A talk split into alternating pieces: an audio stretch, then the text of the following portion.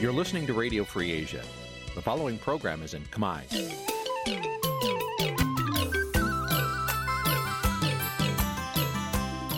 Nǐ chi càm bi tiệp xáy vệt chiu a zì sê ray នេះជាកម្មវិធីផ្សាយរបស់ Vithu Azisari ជាភាសាខ្មែរ វត្តឈូអាស៊ីសេរីសូមស្វាគមន៍លោកអ្នកនាងទាំងអស់ពីរដ្ឋធានី Washington នៃសហរដ្ឋអាមេរិក បាទពីរដ្ឋធានីវ៉ាស៊ីនតោន ខ្ញុំបាទសនចាររថាសូមជម្រាបសួរលោកអ្នកនាងអ្នកស្ដាប់វិទ្យុអាស៊ីសេរីទាំងអស់ជាទីមេត្រីខ្ញុំបាទសូមជូនការផ្សាយសម្រាប់ព្រឹកថ្ងៃសុក្រ9កើតខែប្រគុណឆ្នាំឆ្លូវត្រីស័កពុរសករាជ2565ដែលត្រូវនៅថ្ងៃទី11ខែមីនាគ្រិស្តសករាជ2022បាទជាបន្តទៅនេះសូមអញ្ជើញលោកអ្នកនាងស្ដាប់ព័ត៌មានប្រចាំថ្ងៃដែលមានមេតិការដូចតទៅ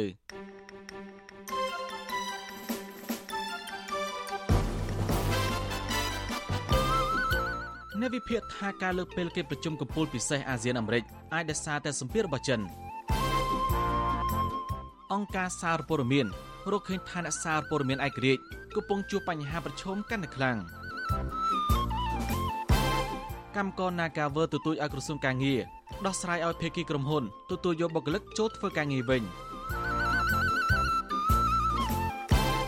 សកម្មជនបរិស្ថានជំរុញឲ្យស្ថាប័នពាក់ព័ន្ធអនុវត្តច្បាប់តឹងរឹងចំពោះអ្នកកាប់រៀនដីព្រៃលិចទឹកនៅទន្លេសាបរួមនឹងព័ត៌មានផ្សេងៗមួយចំនួនទៀត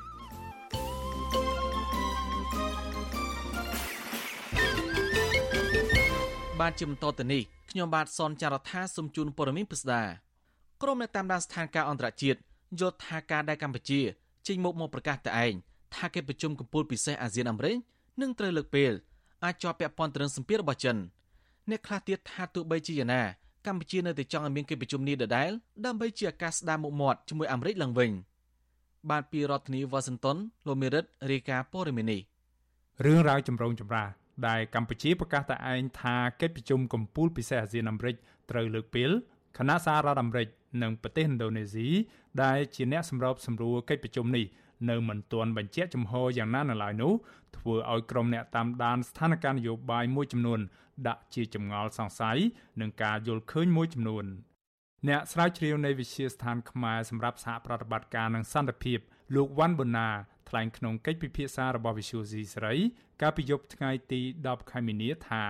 លោកមិនឃើញមានហេតុផលផ្សេងណាមួយក្រៅតែពីហេតុផលតាក់ទងទៅនឹងការជាប់រវល់របស់មេដឹកនាំអាស៊ានមួយចំនួន គណៈកម្ពុជាខ្លួនឯងក៏ចង់ឲ្យមានកិច្ចប្រជុំនេះឡើងដើម្បីជាឱកាសស្ដារទំនាក់ទំនងទ្វេភាគីជាមួយសហរដ្ឋអាមេរិកអ្វីដែលកម្ពុជាចង់បានបំផុតនោះគឺថា កាលណាមានឱកាសប្រជុំជាមួយនឹងប្រធានាធិបតីលោកជូវ៉ៃដិននេះគឺជាឱកាសមួយដែលកម្ពុជានឹងអាចយកវេទិកានឹងដើម្បីសន្ទនាដោយផ្ទាល់ជាមួយលោកជូវ៉ៃដិនហើយបង្ហាញពីកិច្ចចារណភាពការទូតក្នុងនាមជាប្រធានអាស៊ានផងហើយមួយទៀតកម្ពុជារបស់ខ្លួនឯងហ្នឹងក៏យកវេទិកានឹងជាឱកាសដើម្បីនិយាយត្រង់ទៅត្រង់មកជាមួយនឹងលោកជូវ៉ៃដិនអំពីការស្ដារទំនាក់ទំនងរវាងសហរដ្ឋអាមេរិកឡើងវិញដោយសារខ្ញុំគិតថា កម្ពុជាមួយរយៈពេលនេះគឺចាប់ផ្ដើមទោះបីជាមានតំណែងតំណងល្អអឿនជាមួយចិនក៏ប៉ុន្មានក៏ប៉ុន្តែកម្ពុជានឹងនៅតែគិតថាសហរដ្ឋអាមេរិកគឺជាតួអង្គសំខាន់សហរដ្ឋអាមេរិកកាលពីថ្ងៃទី28ខែកុម្ភៈ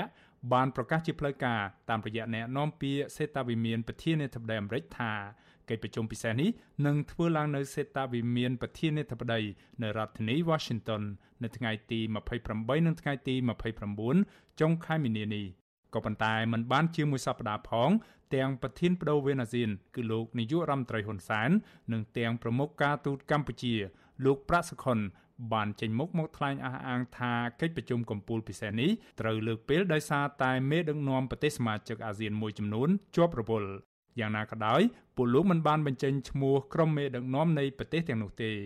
វិសុយស៊ីស្រី បានព្យាយាមតាក់ទងក្រសួងការបរទេសអាមេរិកដើម្បីសុំការបញ្ជាក់ជុំវិញការប្រកាសរបស់កម្ពុជានេះក៏ប៉ុន្តែអ្នកនាំពាក្យក្រសួងការបរទេសអាមេរិកនៅពុំទាន់បញ្ជាក់យ៉ាងណា ចំពោះការប្រកាសតែឯងរបស់កម្ពុជានេះទេនិងថាខ្លួនពុំមានព័ត៌មានបន្ថែមនៅឡើយទេនៅមុនការប្រកាសរបស់កម្ពុជានេះក្រសួងការបរទេសអាមេរិកបានបញ្ជាក់ប្រាប់វិសុយស៊ីសេរីថាខ្លួនកំពុងធ្វើការយ៉ាងដិតដល់ជាមួយប្រទេសសមាជិកអាស៊ាន ដើម្បីរៀបចំកិច្ចប្រជុំកំពូលពិសេសនេះឲ្យបានជោគជ័យអ្នកជំនាញច្បាប់និងវិជាសាស្ត្រនយោបាយអន្តរជាតិកញ្ញាសេងធីរីដែលបច្ចុប្បន្នកំពុងរងនឹងការធ្វើទុកបុកម្នេញពីសំណាក់ប្រព័ន្ធតុលាការរបស់រដ្ឋាភិបាលលោកនាយរដ្ឋមន្ត្រីហ៊ុនសែនផងនោះយល់ថាចិនអាចជាអ្នកនៅពីក្រោយការដាក់សម្ពាធមកលើកម្ពុជាជុំវិញរឿងប្រកាសលើកពេលតែឯងនេះ កញ្ញាយល់ថានេះគឺដោយសារតែចិន ចង់បង្ហាញពីឥទ្ធិពលរបស់គេខណៈកិច្ចប្រជុំកំពូលពិសេសអាស៊ានអាមេរិកនេះនឹងផ្ដោតមួយភាគធំលើយុទ្ធសាស្ត្ររបស់សហរដ្ឋអាមេរិក ដើម្បីទប់ទល់ទៅនឹងអធិបតេយ្យរបស់ចិននៅតំបន់អាស៊ីអាគ្នេយ៍ដែលកំពុងតែកើនឡើងពេលដែលខ្ញុំបុកសរុបសភាពការទៅខ្ញុំគិតថាការបញ្ជាពេលនេះចេញពីរបបផ្ដាច់ការនេះមិនមែនមកពីខ្លួនគាត់ចង់បញ្ជាពេលទេពីព្រោះគាត់ចង់បានប៉ុន្តែគាត់ដឹងថាគុំតែមានដណ្ដែលគាត់នឹងតាមចិនសិនពីព្រោះចិនបានធ្វើអន្តរាគមរំខានមកពីខ្ញុំគិតថាមានការសម្ពាធខ្លាំងពីចិន ហើយយើងឃើញដូចឧទាហរណ៍ដូចលោកប្រាក់សុគន្ធទៅសួរមតិពីចិនភ្លាមពីរឿងនេះពីរឿងនោះចុះចិនអត់នៅស្ងៀមទេហេតុផលនៃសម្ពាធរបស់ចិននេះក៏ត្រូវបានអ្នកតាមដានស្ថានភាពនយោបាយកម្ពុជាមួយរូបទៀតគឺបណ្ឌិតសូណារ៉ូដែលបច្ចុប្បន្នកំពុងរស់នៅសហរដ្ឋអាមេរិកថ្លែងប្រាប់វិសុយស៊ីសេរីថាលោកសង្ស័យថារឿងនេះអាចមិនជាប់ពាក់ព័ន្ធទៅនឹងរឿងបច្ចេកទេសនៃការរៀបចំពេលវេលានោះទេ ក៏ប៉ុន្តែលោកថាអាចជាករណីនយោបាយច្រើនជាងដោយសារតែប្រទេសកុម្មុយនីសចិនអាចព្យាយាមបញ្ចុះបញ្ចូលកម្ពុជា ស្របពេលដែលពិភពលោកកំពុងជួបនឹងរឿងរ៉ាវនៃបញ្ហាសង្គ្រាមឈ្លានពានរបស់ប្រទេសរុស្ស៊ីទៅលើប្រទេសអ៊ុយក្រែនដែលបញ្ហានេះធ្វើឲ្យប្រទេសសមាជិកអាស៊ានមួយចំនួនអាចពិបាកក្នុងការសម្រេចចិត្តក្នុងនោះក៏រួមមានទាំងប្រទេសកុម្មុយនីសចិនផងដែររឿងបច្ចេកទេសនេះខ្ញុំសង្ស័យថាវាមិនមែនជារឿងបច្ចេកទេសវាជារឿងនយោបាយ អាចចិន lobby ជាមួយនឹងហ៊ុនសែនតែម្ដងហើយអាចចិន lobby ជាមួយបកសុកនតែម្ដងសូមឲ្យពន្យាកិច្ចប្រជុំនេះ ដើម្បីឲ្យចិនគាត់ថាក៏មានពេលទំនេរសម្រាប់ធ្វើកិច្ចការទប់ស្កាត់យុទ្ធសាស្ត្រឬក៏ការវាយបកឲ្យយុទ្ធសាស្ត្រឬក៏ទប់ស្កាត់ជួយរុស្ស៊ីក្នុងការទប់ស្កាត់សេដ្ឋកិច្ចកុំឲ្យដួលរំលំនៅយ៉ាងសម្ព័ន្ធមិត្តរបស់ខ្លួនអញ្ចឹងរឿងនេះពាក់ព័ន្ធគ្នាស៊ីជម្រៅដោយសារកម្ពុជាកំពុងតែសភាពការពិភពលោកកំពុងធ្លាក់ក្នុងសង្គ្រាមត្រជាក់ឡើងវិញ កម្ពុជា ដែលធ្លាប់ជាមិត្តជិតស្និទ្ធរបស់រុស្ស៊ីនិងជាមិត្តដៃថៃរបស់ចិន កាលពីថ្ងៃទី1ខែមីនាបានសម្រេចចិត្តដ៏គួរឲ្យភ្ញាក់ផ្អើលមិនធ្វើតាមបន្ទាត់គោលនយោបាយការបរទេសរបស់ចិនដែលងាកមកធ្វើតាមការចង់បានរបស់ក្រុមប្រទេសលោកខាងលិចរួមគ្នាបោះឆ្នោតគ្រប់គ្រងនិងធ្វើជាសហស្ថាបនិកនៃសេចក្តីសម្រេចចិត្តរបស់មហាសន្និបាតអង្គការសហប្រជាជាតិទាមទារឲ្យរុស្ស៊ីបញ្ឈប់ការវាយប្រហារជាបន្ទាន់នៅក្នុងប្រទេសអ៊ុយក្រែន ប្រទេសចិនបានបោះឆ្នោតអនុប្រវត្តិមិនគ្រប់គ្រងហើយក៏មិនជំទាស់ទៅនឹងសេចក្តីសម្រេចចិត្តរបស់អង្គការសហប្រជាជាតិនេះក្រុមអ្នកឃ្លាំមើលមួយចំនួនយល់ថាការសម្រេចចិត្តរបស់កម្ពុជានេះអាចដោយសារតែកម្ពុជា ចង់យកចិត្តក្រុមប្រទេសលោកខាងលិច ជាពិសេសសហរដ្ឋអាមេរិកនៅមុនពេលកិច្ចប្រជុំកំពូលពិសេសអាស៊ានអាមេរិកនេះ ក្រោយការសម្រេចចិត្តនេះប្រមុខការទូតកម្ពុជា លោកប្រាក់សខុនកាលពីថ្ងៃទី4ខែមីនា បានចំណាយពេលពន្យល់លម្អិតដល់មន្ត្រីការទូតជាន់ខ្ពស់របស់ចិន អំពីហេតុផលដែលនាំឲ្យខ្លួនសម្រេចចិត្តយ៉ាងដូចនេះការខំពន្យល់ភាគីចិននេះនាំឲ្យមានការរិះគន់ថា បានឆ្លុះបញ្ចាំងពីភាពគ្មានឯករាជ្យនិងថាកម្ពុជានៅតែរណបចិន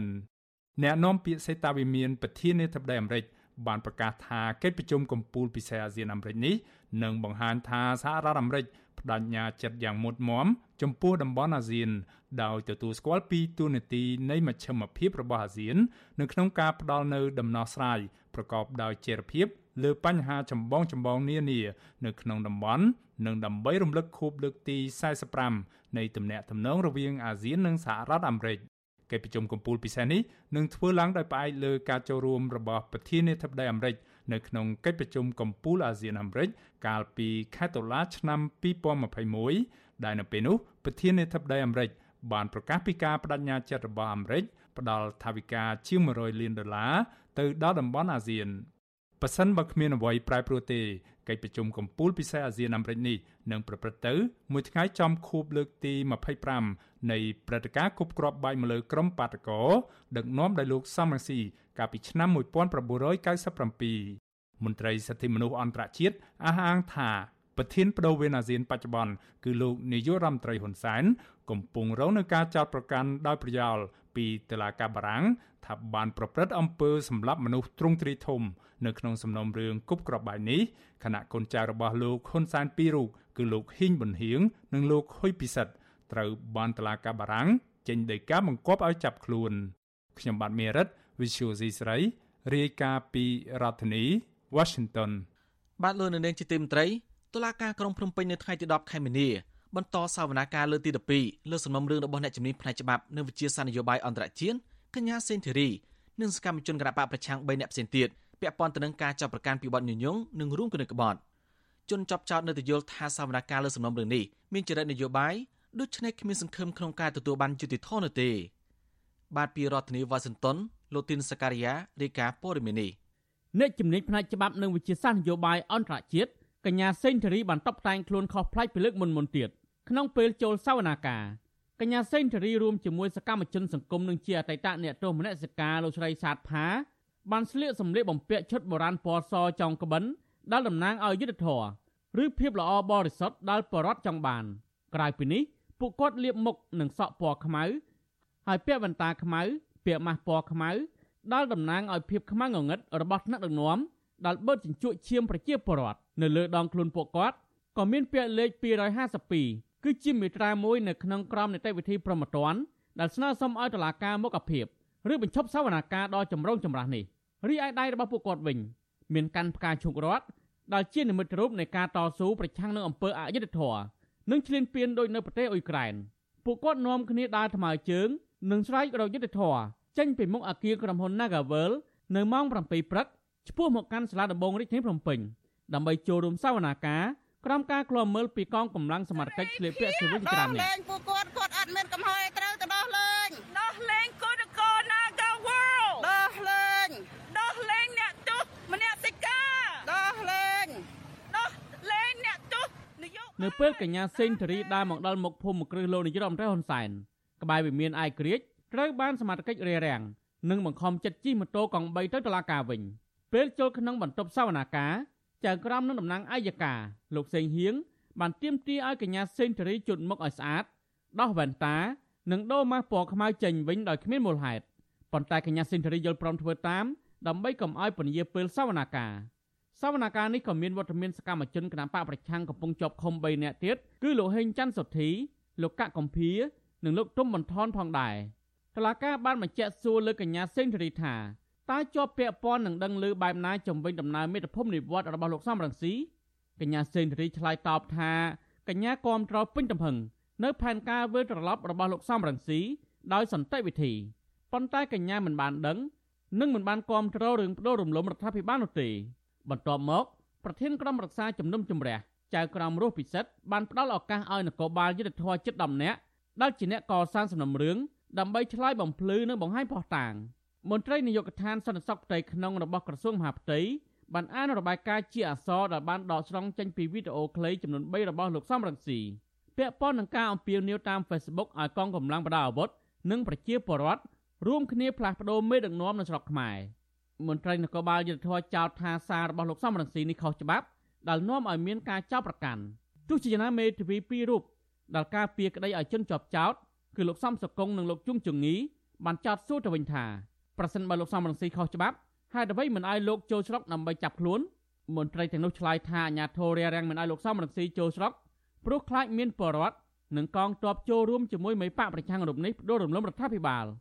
សំណួរមួយចំនួនរបស់មេធាវីការពារក្តីគឺក្រុមមន្ត្រីនគរបាលយុទ្ធធរទាំងនោះហាក់ឆ្លើយរដាក់រដប់និងមិនសូវចំចំណុចបណ្ដាលឲ្យអ្នកចូលស្ដាប់អស់សំណើចផងដែរមេធាវីការពារក្តីឲ្យកញ្ញាសេងធារីគឺលោកមេធាវីជួងជងីថ្លែងថា ទោះបីជាពេញចិត្តឬមិនពេញចិត្តចំពោះសវនាការនេះក្តីក៏លោកកំពុងតែខិតខំតតាំងគ្រប់នីតិវិធីរបស់តុលាការដើម្បីការពារផលប្រយោជន៍ជូនកូនក្តីសម្រាប់កូនក្តីខ្ញុំគាត់អត់សប្បាយចិត្តទេកញ្ញាសេងធីរីគាត់អះអាងថាជាសកម្មភាពឆាកលខោនជាតឡាការធ្វើតាមបញ្ជីរបស់អ្នកមានអំណាចអញ្ចឹងប៉ុន្តែយើងជាមេធាវីយើងអត់មានជំនឿទេត្រូវតែចូលរួមដើម្បីការពារសិទ្ធិកូនក្តីរបស់យើងទៅតាមបច្ចេកទេសរបស់យើងតែប៉ុណ្្នឹងឯងជាមួយគ្នានេះក្រោយចប់សវនកម្ម កញ្ញាសេងធារីបានប្រាប់ក្រុមអ្នកសារព័ត៌មាននៅខាងមុខតុលាការថាភ័ស្តុតាងមួយចំនួននៅក្នុងរបាយការណ៍របស់នគរបាលយុទ្ធធរគឺមិនស្របគ្នាជាមួយនឹងវីដេអូជាក់ស្ដែងរបស់លោកសំរងស៊ីនោះទេអ្នកជំនាញផ្នែកច្បាប់នៅវិទ្យាសាស្ត្រនយោបាយអន្តរជាតិរូបនេះនៅតែអះអាងថាការគ្រប់គ្រងផែនការវិលចូលស្រុកវិញរបស់លោកសំរងស៊ីគឺជាសិទ្ធិស្របច្បាប់ដូច្នេះតុលាការត្រូវតែបញ្ចប់សវនាការបែបឆាកល្ខោននេះគាត់ថាខ្ញុំ បានបំផុសឬដឹងឮថាលោកសំរងស៊ីបានបំផុសឲ្យដួលរលំរដ្ឋាភិបាលនេះទេខ្ញុំថាអត់ទេពីព្រោះអ្វីដែលខ្ញុំបានចូលរួមខខ្ញុំបានចូលរួមលើកទឹកចិត្តឲ្យប្រជាពលរដ្ឋទៅស្វាគមន៍លោកសំឡានស៊ីហើយមិនមែនជារដ្ឋាភិបាលទេជារបបផ្ដាច់ការបានជាងខ្ញុំលើកចំណុចអ្វីដែលខ្ញុំបានលើកឡើងពីមុនប៉ុន្តែលើកលើកនេះនៅក្នុងការគូបញ្ជាក់ឲ្យនគរបាលគាត់បានដឹងឮផងសវនកម្មនេះមានការចូលរួមក្លំមើលពីតំណាងស្ថានទូតលោកសេរីមួយចំនួន អង្គការសង្គមស៊ីវិលអ្នកសារព័ត៌មាននិងសាច់ញាតិរបស់ជនជាប់ឃុំតឡាការនឹងបន្តសវនកម្មលើសំណុំរឿងដដាលនេះនៅថ្ងៃទី15មីនាខាងមុខទៀតអ្នកនាំពាក្យសមាគមការពារសិទ្ធិមនុស្សអាត់ហុកលោកសង្សានករណាសង្កេតឃើញថាការចោទប្រកាន់និងការកាត់ទោសលើសកម្មជននយោបាយកញ្ញាសេងធារីនេះផុសតាងដាក់បន្ទុកភាកច្រើន ខាងនគរបាលនិងតុលាការផ្ដោតលើការបញ្ចេញមតិដោយសន្តិវិធីនៅលើបណ្ដាញសង្គម Facebook លោកយល់ថាក្តីក្តាំដល់សាធារណជនចាត់ទុកថាការចេញពីវិវាទនយោបាយ និងកាត់ក្តីដោយតុលាការលំអៀងបែបនេះពុំអាចផ្ដល់យុត្តិធម៌ពិតប្រាកដជូនសកម្មជននយោបាយនិងសកម្មជនសិទ្ធិមនុស្សបានឡើយ។ ពាក់ព័ន្ធទៅនឹងវិវាទនយោបាយយើងក៏សម្គាល់ថាការដោះស្រាយតាមផ្លូវតុលាការនេះវាមិនមែនជាជំរើសមួយដែលអាចបញ្ចប់សំណុំរឿងនឹងទៅបានទេហើយក៏មិនអាចផ្ដល់នៅលទ្ធផលទទួលបានយុត្តិធម៌ទៅដល់ភាគីដែរជាពិសេសភាគីដែលជាសកម្មជនតៃតបៈជំទាស់នឹងឯងអាចនឹងរងនៅភាពអយុត្តិធម៌នៅពេលដែលសម្រេចសេចក្តីអញ្ចឹងការបញ្ចប់វិវាទអ្នកនយោបាយនេះបានទៅល្អប្រសើរគឺមានតែដំណោះស្រាយរវាងអ្នកនយោបាយនិងអ្នកនយោបាយ តុលាការក្រុងភ្នំពេញបានចោទប្រកាន់កញ្ញាសេងធារីរួមជាមួយថ្នាក់ដឹកនាំនិងសកម្មជនគណបកប្រឆាំងជាង100នាក់ពីបទរួមគំនិតក្បត់និងញុះញង់ឲ្យមានភាពវឹកវរធ្ងន់ធ្ងរដល់សន្តិសុខសង្គមពាក់ព័ន្ធនឹងការបង្ហោះសារគាំទ្រផែនការមេត្តាភូមិនិវត្តរបស់ប្រធានស្ដីទីគណៈបកសង្គ្រោះជាតិគឺលោកសំរងស៊ីកាលពីឆ្នាំ2019សំណុំរឿងនេះមានសកម្មជនមួយចំនួនកំពុងជាប់ឃុំក្នុងពន្ធនាគារជិត2ឆ្នាំហើយប៉ុន្តែតុលាការមិនទាន់ចេញសារក្រមផ្តន្ទាទោសពួកគេនៅឡើយទេ អង្គការសង្គមស៊ីវិលជាតិនិងអន្តរជាតិជាច្រើនស្ថាប័នរួមទាំងស្ថានទូតប្រទេសប្រជាធិបតេយ្យធំធំបានចាត់ទុករឿងក្តីក្តាំនេះថាជាការធ្វើទុកបុកម្នេញផ្នែកនយោបាយនិងស្នើឲ្យតុលាការទម្លាក់ចោលការចោទប្រកាន់និងដោះលែងជនជាប់ឃុំទាំងនោះឲ្យមានសេរីភាពឡើងវិញដោយគ្មានលក្ខខណ្ឌខ្ញុំទីនសាការីយ៉ាអសិសរីប្រធានីវ៉ាស៊ីនតោន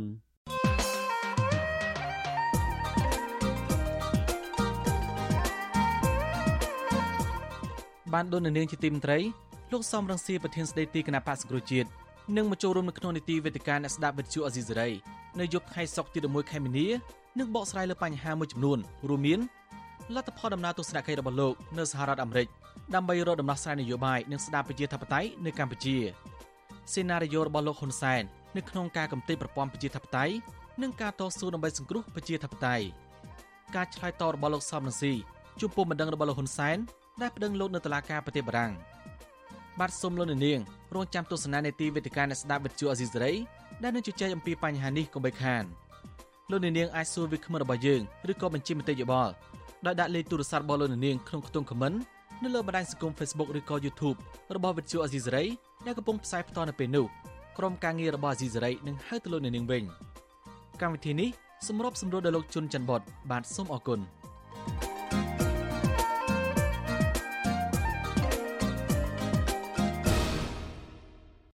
បាទលោកនៅនាងជាទីមន្ត្រីអញ្ញាធរខេត្តពោធិ៍សាត់បានឃុំខ្លួនបេក្ខជនឈួតឈ្មោះបោះឆ្នោតក្រុមប្រឹក្សាឃុំសង្កាត់គណៈបកភ្លើងទីម្នាក់ដាក់ពន្ធនាគារពីបទក្លែងបន្លំឯកសារស្របពេលដែលបេក្ខជននៅខេត្តមួយចំនួនរងការគំរាមកំហែងនិងរារាំងសកម្មភាពនយោបាយមន្ត្រីអង្គការសង្គមស៊ីវិលចាត់ទុកទង្វើបែបនេះថាជាការរឹតបន្តឹងសិទ្ធិសេរីភាពផ្នែកនយោបាយរបស់ប្រជាពលរដ្ឋនៅមុនការបោះឆ្នោតបាទពីរដ្ឋធានីវ៉ាស៊ីនតោនអ្នកស្រីម៉ៅសុធីនីរាយការណ៍ព័ត៌មាននេះ អាញាធរបានបញ្ជូនសកម្មជនបាក់ភ្លើងទៀននៅឃុំស្រែស្ដុកស្រុកកណ្ដៀងគឺលោកឈួនឈឿងអាយុ59ឆ្នាំទៅឃុំខ្លួននៅពន្ធនាគារខេត្តពោធិ៍សាត់ហើយ កាលពីថ្ងៃទី9ខែមីនា អនុប្រធានស្ដីទីក្រុមការងារគណៈបកភ្លើងទៀនខេត្តពោធិ៍សាត់លោកឈុនប៊ុនខៀងប្រាប់វត្ថុអសីស្រីនៅថ្ងៃទី10ខែមីនា ថាមុនពេលចាប់ខ្លួនអាជ្ញាធរឃុំ បានហៅលោកឈុនឈឿងទៅសាកសួរនៅគណៈកម្មការរៀបចំការបោះឆ្នោតខេត្តហើយក៏បានបញ្ជូនទៅឃុំខ្លួននៅស្នងការដ្ឋាននគរបាលខេត្តនៅថ្ងៃទី7និងទី8ខែមីនា លោកហៅការចាប់ខ្លួននេះថាជារឿងអយុត្តិធម៌មិនអាចទទួលយកបានឡើយ ពីព្រោះលោកអះអាងថាលោកឈួនឈឿងមិនបានប្រព្រឹត្តខុសច្បាប់អ្វីឡើយខ្ញុំជឿថានេះជាការរៀបរៀងគឺគោលបំណងរបស់គេ គឺមិនចង់ឲ្យមានបេក្ខជន នៅឃុំស្រែស្ដុកព្រោះនៅឃុំស្រែស្ដុកហ្នឹងគឺទៅតាមយើងដឹងគឺមានគណៈបកតែ2គត់ដែលតទល់នឹងគ្នា គឺគណៈបកភ្លើងទៀននិងគណៈបកប្រជាជន ដូច្នេះបើសិនជាអត់មានគណៈបកភ្លើងទៀនគឺមានតែគណៈបកប្រជាជនដូច្នេះឈ្នះឯងតកតងនឹងបញ្ហានេះអ្នកនាំពាក្យសាលាដំបងខេត្តពោធិ៍សាត់លោកហេងដុននីនប្រពន្ធជស្រីថាការចាប់ខ្លួនលោកឈួនឈឿងនេះដោយតឡាកាបានចោទប្រកាន់ពីបទក្លែងបន្លំឯកសារនិងប្រើប្រាស់ឯកសារក្លែងក្លាយដើម្បីចោះឈ្មោះជាបេក្ខជនឈរឈ្មោះបោះឆ្នោតជ្រើសរើសក្រុមប្រឹក្សាឃុំស្រែស្ដុក យកឈ្មោះគេដែលអត់ដឹងអត់ថ្មីខ្លួនអត់ដឹងថាអឺអត់ដឹងរឿងយកទៅចុះទីក្នុងបញ្ជីឈ្មោះរបស់គាត់ណាអញ្ចឹងរឿងស្ថិតនៅក្នុងការស៊ើបអង្កេតរបស់ចៅក្រមស៊ើបទូគាត់នឹងស៊ើបអង្កេតបន្តទៀតបាទក៏ប៉ុន្តែសកម្មជនបកភ្លើងទៀនច្រានចោលចំពោះការចាប់ប្រកាន់នេះនិងចាត់ទុកថាជាការមួលបង្កាច់ខុសពីការពិតដែលសារអាញាធរបារម្ភខ្លាចចាញ់ការបោះឆ្នោតនាពេលខាងមុខ ចំណែកនៅខេត្តត្បូងឃ្មុំនិងខេត្តកំពង់ចាមមនុស្សវិញអាជ្ញាធរគណៈបកកណ្ដាលអំណាចក៏បានរារាំងនិងបង្កការលំបាកដល់សកម្មជនគណៈបកភ្លើងទៀននោះដែរអនុគណៈកម្មការបណ្ដោះអាសន្នបកភ្លើងទៀនខេត្តកំពង់ចាម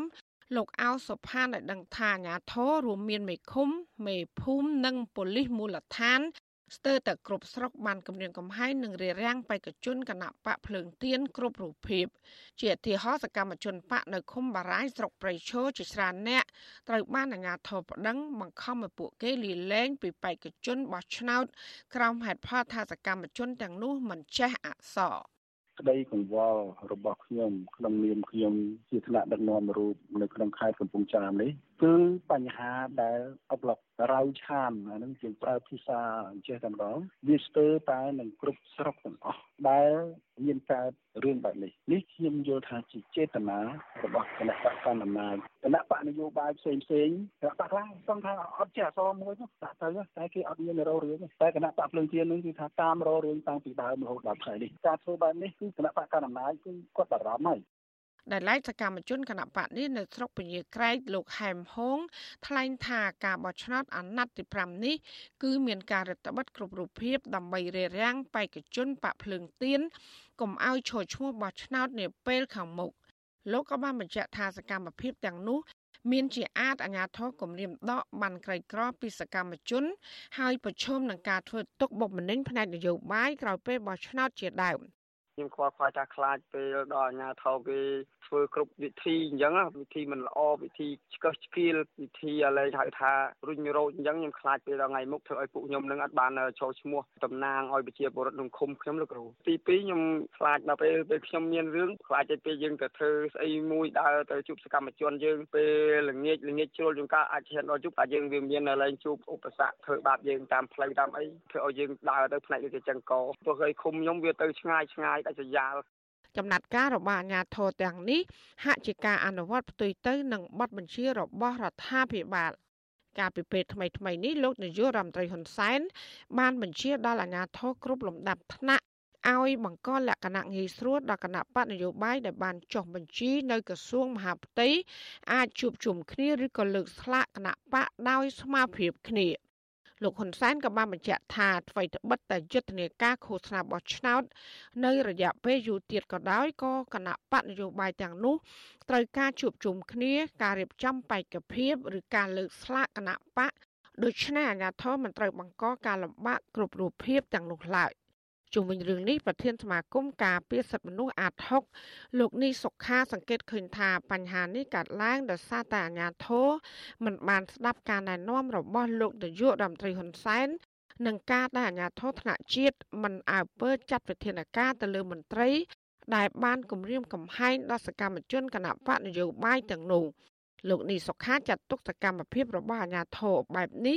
ថាជាការរឹតបន្តឹងសិទ្ធិសេរីភាពផ្នែកនយោបាយរបស់ប្រជាពលរដ្ឋដោយខុសច្បាប់មន្ត្រីសង្គមស៊ីវិលរូបនេះជឿជាក់ថាប៉ះសិនបើស្ថានភាព នៅតែបន្តកើតមានដោយសពថ្ងៃនេះនោះនឹងធ្វើឲ្យប៉ះពាល់ដល់ដំណើរការបោះឆ្នោតនាពេលខាងមុខជាមិនខាន អាញាធរហាក់បីដូចជានៅពេលដែលមានគណៈបកណាមួយដែលខ្លាំងដែលមានលទ្ធភាពក្នុងការចូលរួមប្រកួតប្រជែងហាក់បីដូចជាគោលដៅក្នុងការប្រើប្រាស់នៅគោលដៅដើម្បីធ្វើទុកបុកម្នេញទៅលើក្រុមទាំងអស់ហ្នឹងរដ្ឋាភិបាលមានទួនាទីក្នុងការរៀបចំដំណើរការបោះឆ្នោតហ្នឹងឲ្យប្រព្រឹត្តទៅបានល្អដោយសេរីត្រឹមត្រូវយុត្តិធម៌ហ្នឹងគឺជាទួនាទីរបស់រដ្ឋាភិបាលដូច្នេះក្នុងនាមសង្គមស៊ីវិលទទូចហើយទទូចទៀតថាឲ្យរដ្ឋាភិបាលធ្វើយ៉ាងណាដោះស្រាយបញ្ហានយោបាយនឹងឲ្យបានស្រួលបួលហើយងាកមករៀបចំដំណើរការបោះឆ្នោតនឹងឲ្យបានត្រឹមត្រូវដែលគេអាចទទួលយកបានរបាយការណ៍របស់កោជបឲ្យដឹងថាការបោះឆ្នោតឃុំសង្កាត់អាណត្តិទី5នេះ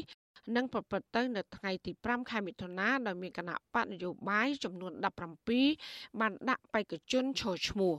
ក្នុងចំណោមនោះមាន4គណៈបកដែលមានបេក្ខជនឈរឈ្មោះនៅគ្រប់25ខេត្តក្រុង ក្នុងនោះមានតែគណៈបកពីរប៉ុណ្ណោះដែលបានដាក់បេក្ខជនផ្ដាំប្រសងគ្នាគឺគណៈបកប្រជាជនកម្ពុជាបានដាក់បេក្ខជនគ្រប់100%និងគណៈបកភ្លើងទៀនបានដាក់បេក្ខជនជិតគ្រប់100%ក្នុងចំណោមឃុំសង្កាត់សរុបទាំងអស់ជាង1600ឃុំសង្កាត់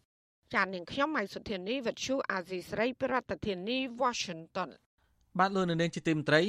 លោកសខេរមត្រីក្រសួងមហាផ្ទៃ បានដាក់បទបញ្ជាដល់សមាជិកពាក់ព័ន្ធត្រូវសហការរួមគ្នាលុបបំបាត់បលល្មើសនានាក្នុងខេត្តបរសេនុដើម្បីស្ដារមុខមាត់ខេត្តនេះនិងតាក់ទាញវិនិយោគបរទេសមកកម្ពុជាលោកសខេងអះអាងថាបលល្មើសខេត្តបរសេនុមានការកើនឡើងយ៉ាងខ្លាំងក្នុងទម្រង់រូបភាពសាហាវយង់ខ្នងហើយដែលទង្វើនេះប៉ះពាល់ដល់កិត្តិយសនៃប្រទេសជាតិនៃសភាពការបច្ចុប្បន្ននេះយើងរួមគ្នាបញ្ញាថាបញ្ចប់ឲ្យបានជាមូលដ្ឋាន នៅអក្រិតកម្មដែលកើតមាននៅក្នុងខេត្តសៀនុ យើងខិតខំធ្វើម៉េចមុនបោះឆ្នោតក្រមប្រសាឃុំនឹងបញ្ចប់ហ្នឹងបញ្ចប់ឲ្យបានជាមូលដ្ឋានវាមិនបាន100%ទេប៉ុន្តែបញ្ចប់បានមូលដ្ឋានបាននៃភាកច្រើនបំផុតកុំឲ្យមានករណីទៀតពួកយើងមើលទៅសាហាវណាស់រូបភាពនោះវាសាហាវពេកសាហាវតតែមែនតើមកដល់ចឹងអស់អញ្ចឹងគេយកទៅផ្សាយនៅស្រុកចិនគេយកទៅផ្សាយពេញពិភពលោកចឹងថាកម្ពុជាមិនចាំទេមានអ្នកប្លន់អ្នកចាប់ចម្រិតអ្នកគម្រាមកំហែងអំពើហិង្សា ពេញទឹកពេញដីនៅខេត្តបរសៀនលោកសខេងថ្លែងបែបនេះនៅក្នុងពិធីបិទសន្និបាតបូសរុបលទ្ធផលការងារប្រចាំឆ្នាំ2021និងទិសដៅការងារឆ្នាំ2022របស់រដ្ឋបាលខេត្តបរសៀនកាលពីថ្ងៃទី9ខែមីនារដ្ឋមន្ត្រីក្រសួងមហាផ្ទៃរូបនេះក៏បានកំណត់អត្ថប្រយោជន៍សំខាន់សំខាន់មួយចំនួន ទី1លោកបំផាត់របបល្មើសក្រិតទី2គ្រប់គ្រងបាននៅបនលបាយស៊ីសងដើម្បីឲ្យមានសណ្ដាប់ធ្នាប់បន្ថែមពីនេះរដ្ឋបាលខេត្តបរសែនុត្រូវពិនិត្យនិងប្រមូលអាវុធយុទ្ធភ័ណ្ឌខុសច្បាប់ដែលលួចទិញ ឬក៏ឧបករណ៍ដែលយកមកប្រើប្រាស់សម្រាប់ធ្វើទរណកម្មចំណែកអភិបាលខេត្តបរសែនុលោកគូចម្រើនវិញបញ្ញាថាសមាជិកនៃអាជ្ញាធរពាក់ព័ន្ធខេត្តនឹងបង្កើនការគ្រប់គ្រងទីតាំងនិងការស្នាក់នៅរបស់ជនបរទេសដោយមានការចូលរួមពីក្រុមការងារនៃអគ្គនាយកដ្ឋានអន្តរប្រវេសន៍ដើម្បីទប់ស្កាត់បទល្មើសរកពន្ធមនុស្សនិងការជួញដូរកម្លាំងពលកម្មវិធានការរបស់រដ្ឋាភិបាលបែបនេះធ្វើឡើងស្របពេលដែលក្រុមអង្គការសង្គមសិវិជាតិនៅអន្តរជាតិស្នើសុំអាជ្ញាធរចាត់វិធានការរួមគ្នាដើម្បីលុបបំបាត់អំពើជួញដូរមនុស្សនិងទេសភាពនៅកម្ពុជា សេចក្តីថ្លែងការណ៍រួមរបស់អង្គការសមាគមជាតិអន្តរជាតិនៅថ្ងៃទី10ខែមីនានេះឲ្យដឹងថាពួកគេមានការព្រួយបារម្ភជាខ្លាំងចំពោះការកើនឡើងនៃការជួញដូរមនុស្សការចាប់បង្ខំឲ្យធ្វើពលកម្មអំពើទេសភាពនិងទរណកម្មនៅតាមបរិវេណអគារនានានៅកម្ពុជាក្រុមអង្គការក្នុងស្រុកនៅអន្តរជាតិបានចងក្រងការរាយការណ៍តាមប្រព័ន្ធផ្សព្វផ្សាយនិងគណនីបណ្ដាញសង្គមរបស់ជនរងគ្រោះរកឃើញថាមានមនុស្សរាប់ពាន់នាក់ដែលភ័យច្រើនជាជនបរទេសត្រូវបានទទួលរងគ្រោះនៃការរំលោភសិទ្ធិមនុស្សយ៉ាងធ្ងន់ធ្ងរទៅនេះ នាយកផ្នែកកិច្ចការទូតនៃអង្គការលីកាដូលោកអំសំអាតមានប្រសាសន៍ប្រាវិទ្យាអេស៊ីសេរីថាសមាជិកត្រូវសហការជាមួយសហគ្រាសដែលប្រព្រឹត្តបទល្មើសទៅនេះដើម្បីស៊ើបអង្កេតឲ្យបានច្បាស់លាស់នៅក្នុងការលុបបំបាត់អំពើជួញដូរនិងទេសភាពឲ្យមានប្រសិទ្ធភាពនៅក្នុងប្រទេសកម្ពុជាបាទនៅក្នុងសេចក្តីថ្លែងការណ៍រួមរបស់អង្គការជាតិនិងអន្តរជាតិដើម្បីលុបបំបាត់ទេសភាពនៅក្នុងប្រទេសកម្ពុជានឹងដោយសាររយៈពេលកន្លងមកនេះយើងឃើញថាមានការកើនឡើងនៃការ ជួញដូរការប្រព្រឹត្តបទល្មើសតាមប្រព័ន្ធអ៊ីនធឺណិតការធ្វើទរណកម្មផ្សេងផ្សេងហើយបើយើងសរុបមកយើងឃើញថាជាង100ករណីទៅហើយដែលប្រទេសថៃប្រទេសវៀតណាមប្រទេសឥណ្ឌូនេស៊ីក៏ដូចជាប៉ាគីស្ថានបានរំដោះនៅជនរងគ្រោះត្រឡប់ទៅវិញណាបាទសេចក្តីថ្លែងការណ៍ដដែលក៏បានបញ្ជាក់ថាការរំលោភបំពានពាក់ព័ន្ធនឹងជនបរទេសត្រូវបានចាត់ចម្រិត លក់ជួញដូរនិងត្រូវបោកបញ្ឆោតឲ្យទទួលការងារនៅក្នុងខេត្តមួយចំនួនរួមមានខេត្តបរសេនុភ្នំពេញពោធិ៍សាត់កោះកុងជាដើមបន្ទាប់មកពួកគេត្រូវបានគេឃុំខ្លួនក្នុងបរិវេណអគារធំធំនិងត្រូវបង្ខំឲ្យធ្វើការលើម៉ោងដោយគ្មានពេលសម្រាប់ជាដើមជនរងគ្រោះដែលបានរកគេចខ្លួនរួចបានរាយការណ៍ថាពួកគេត្រូវបានធ្វើបាបទាំងរាងកាយផ្លូវចិនហើយរងអំពើហិង្សាពីសំណាក់ក្រុមដែលបានបង្ខាំងពួកគេ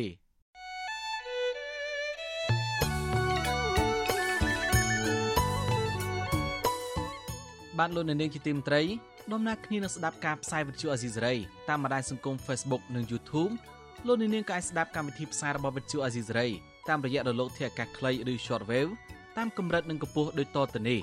ពេលព្រឹកចាប់ពីម៉ោង5កន្លះដល់ម៉ោង6កន្លះតាមរយៈរលកធាតុអាកាសខ្លី9390 kHz ឬស្មើនឹងកម្ពស់ 32m និង11850 kHz ឬស្មើនឹងកម្ពស់ 25m ពេលយប់ ចាប់ពីម៉ោង7កន្លះដល់ម៉ោង8កន្លះតាមរយៈរលកធាតុអាកាសខ្លី9390 kHz ឬស្មើនឹងកម្ពស់ 32m និង15155 kHz ឬស្មើនឹងកម្ពស់ 20m បាទសូមអរគុណ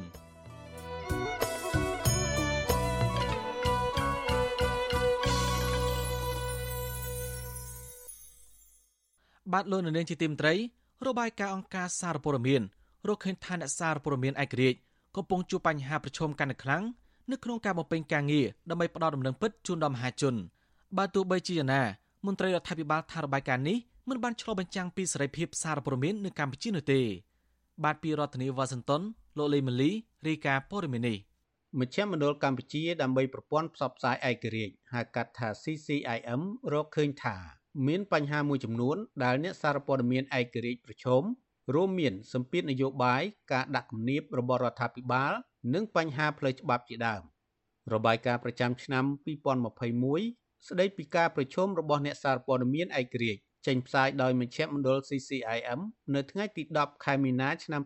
2022បង្ហាញថាស្ថានភាពសេរីភាពសារព័ត៌មាននៅកម្ពុជាក្នុងឆ្នាំ2021កាន់តែអាក្រក់បើប្រៀបធៀបនឹងឆ្នាំ2020 អ្នកជំនាញផ្នែកសារព័ត៌មាននិងអ្នកពាក់ព័ន្ធមិនរំពឹងថាស្ថានភាពសារព័ត៌មាននៅឆ្នាំ2022អាចនឹងល្អឡើងវិញនោះទេដោយសារការបន្តរឹតបន្តឹងផ្នែកនយោបាយនិងបទដ្ឋានច្បាប់ផ្សេងៗដែលផ្ដល់អំណាចកាន់តែច្រើនដល់រដ្ឋាភិបាលក្នុងការគ្រប់គ្រងប្រព័ន្ធផ្សព្វផ្សាយនៅកម្ពុជានាយកផ្នែកប្រព័ន្ធផ្សព្វផ្សាយរបស់ CCIM លោកអ៊ិតសុធឿតឲ្យវិទ្យុអស៊ីសេរីដឹងថារបាយការណ៍នេះ ឆ្លុះបញ្ចាំងពីស្ថានភាពអ្នកសារព័ត៌មានឯករាជ្យដែលស្ថាប័នរបស់លោកតែងចេញផ្សាយប្រចាំឆ្នាំនិងមានជំនាញអ្នកស្រាវជ្រាវត្រឹមត្រូវលោកបន្តថាទូសពថ្ងៃនេះមានស្ថាប័នសារព័ត៌មានច្រើនក្តីប៉ុន្តែមិនបានបង្ហាញពីគុណភាពនៃសេរីភាពសារព័ត៌មានទេអ្នកធ្វើការងារផ្នែកប្រព័ន្ធផ្សព្វផ្សាយរូបនេះជំរុញទៅរដ្ឋាភិបាលឲ្យព្យាយាមបើកចំហសេរីភាពសារព័ត៌មាន ជាពិសេសធានាឲ្យអ្នកសារព័ត៌មានឯករាជ្យអាចបំពេញការងារដោយគ្មានការភ័យខ្លាចគ្មានការរើសអើងនិងគ្មានការគំរាមកំហែង។ឃើញថាអ្នកសារព័ត៌មានយើងបានជួបបញ្ហាប្រឈមច្រើនហាក់ដូចជាការមានការកើនឡើងអញ្ចឹងអឺនេះបងអសបញ្ជាក់ថាអឺវិស័យសារព័ត៌មានយើងកំពុងតែជួបការលំបាកនៅឡើយហើយអ្នកសារព័ត៌មានឯករាជ្យនៅតែ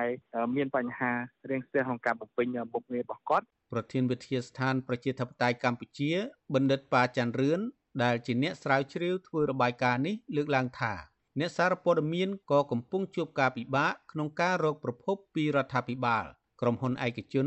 និងប្រភពផ្សេងផ្សេងទៀតដែរលោកបន្តថាក្រៅពីនេះអ្នកសារព័ត៌មានកំពុងជួបការគំរាមកំហែងផ្លូវចិត្តផ្លូវកាយនិងផ្លូវច្បាប់ព្រោះការបំពេញការងាររបស់ខ្លួន។ អ្នកកសែតបាទអ្នកសារព័ត៌មានជួបប្រទេសនៅក្នុងឆ្នាំ2021នេះគឺការគម្រាមកំហែងឬក៏ការធ្វើទុកការផិតភ័យការធ្វើទុកបុកម្នេញទៅលើទៅលើរាងកាយទាំង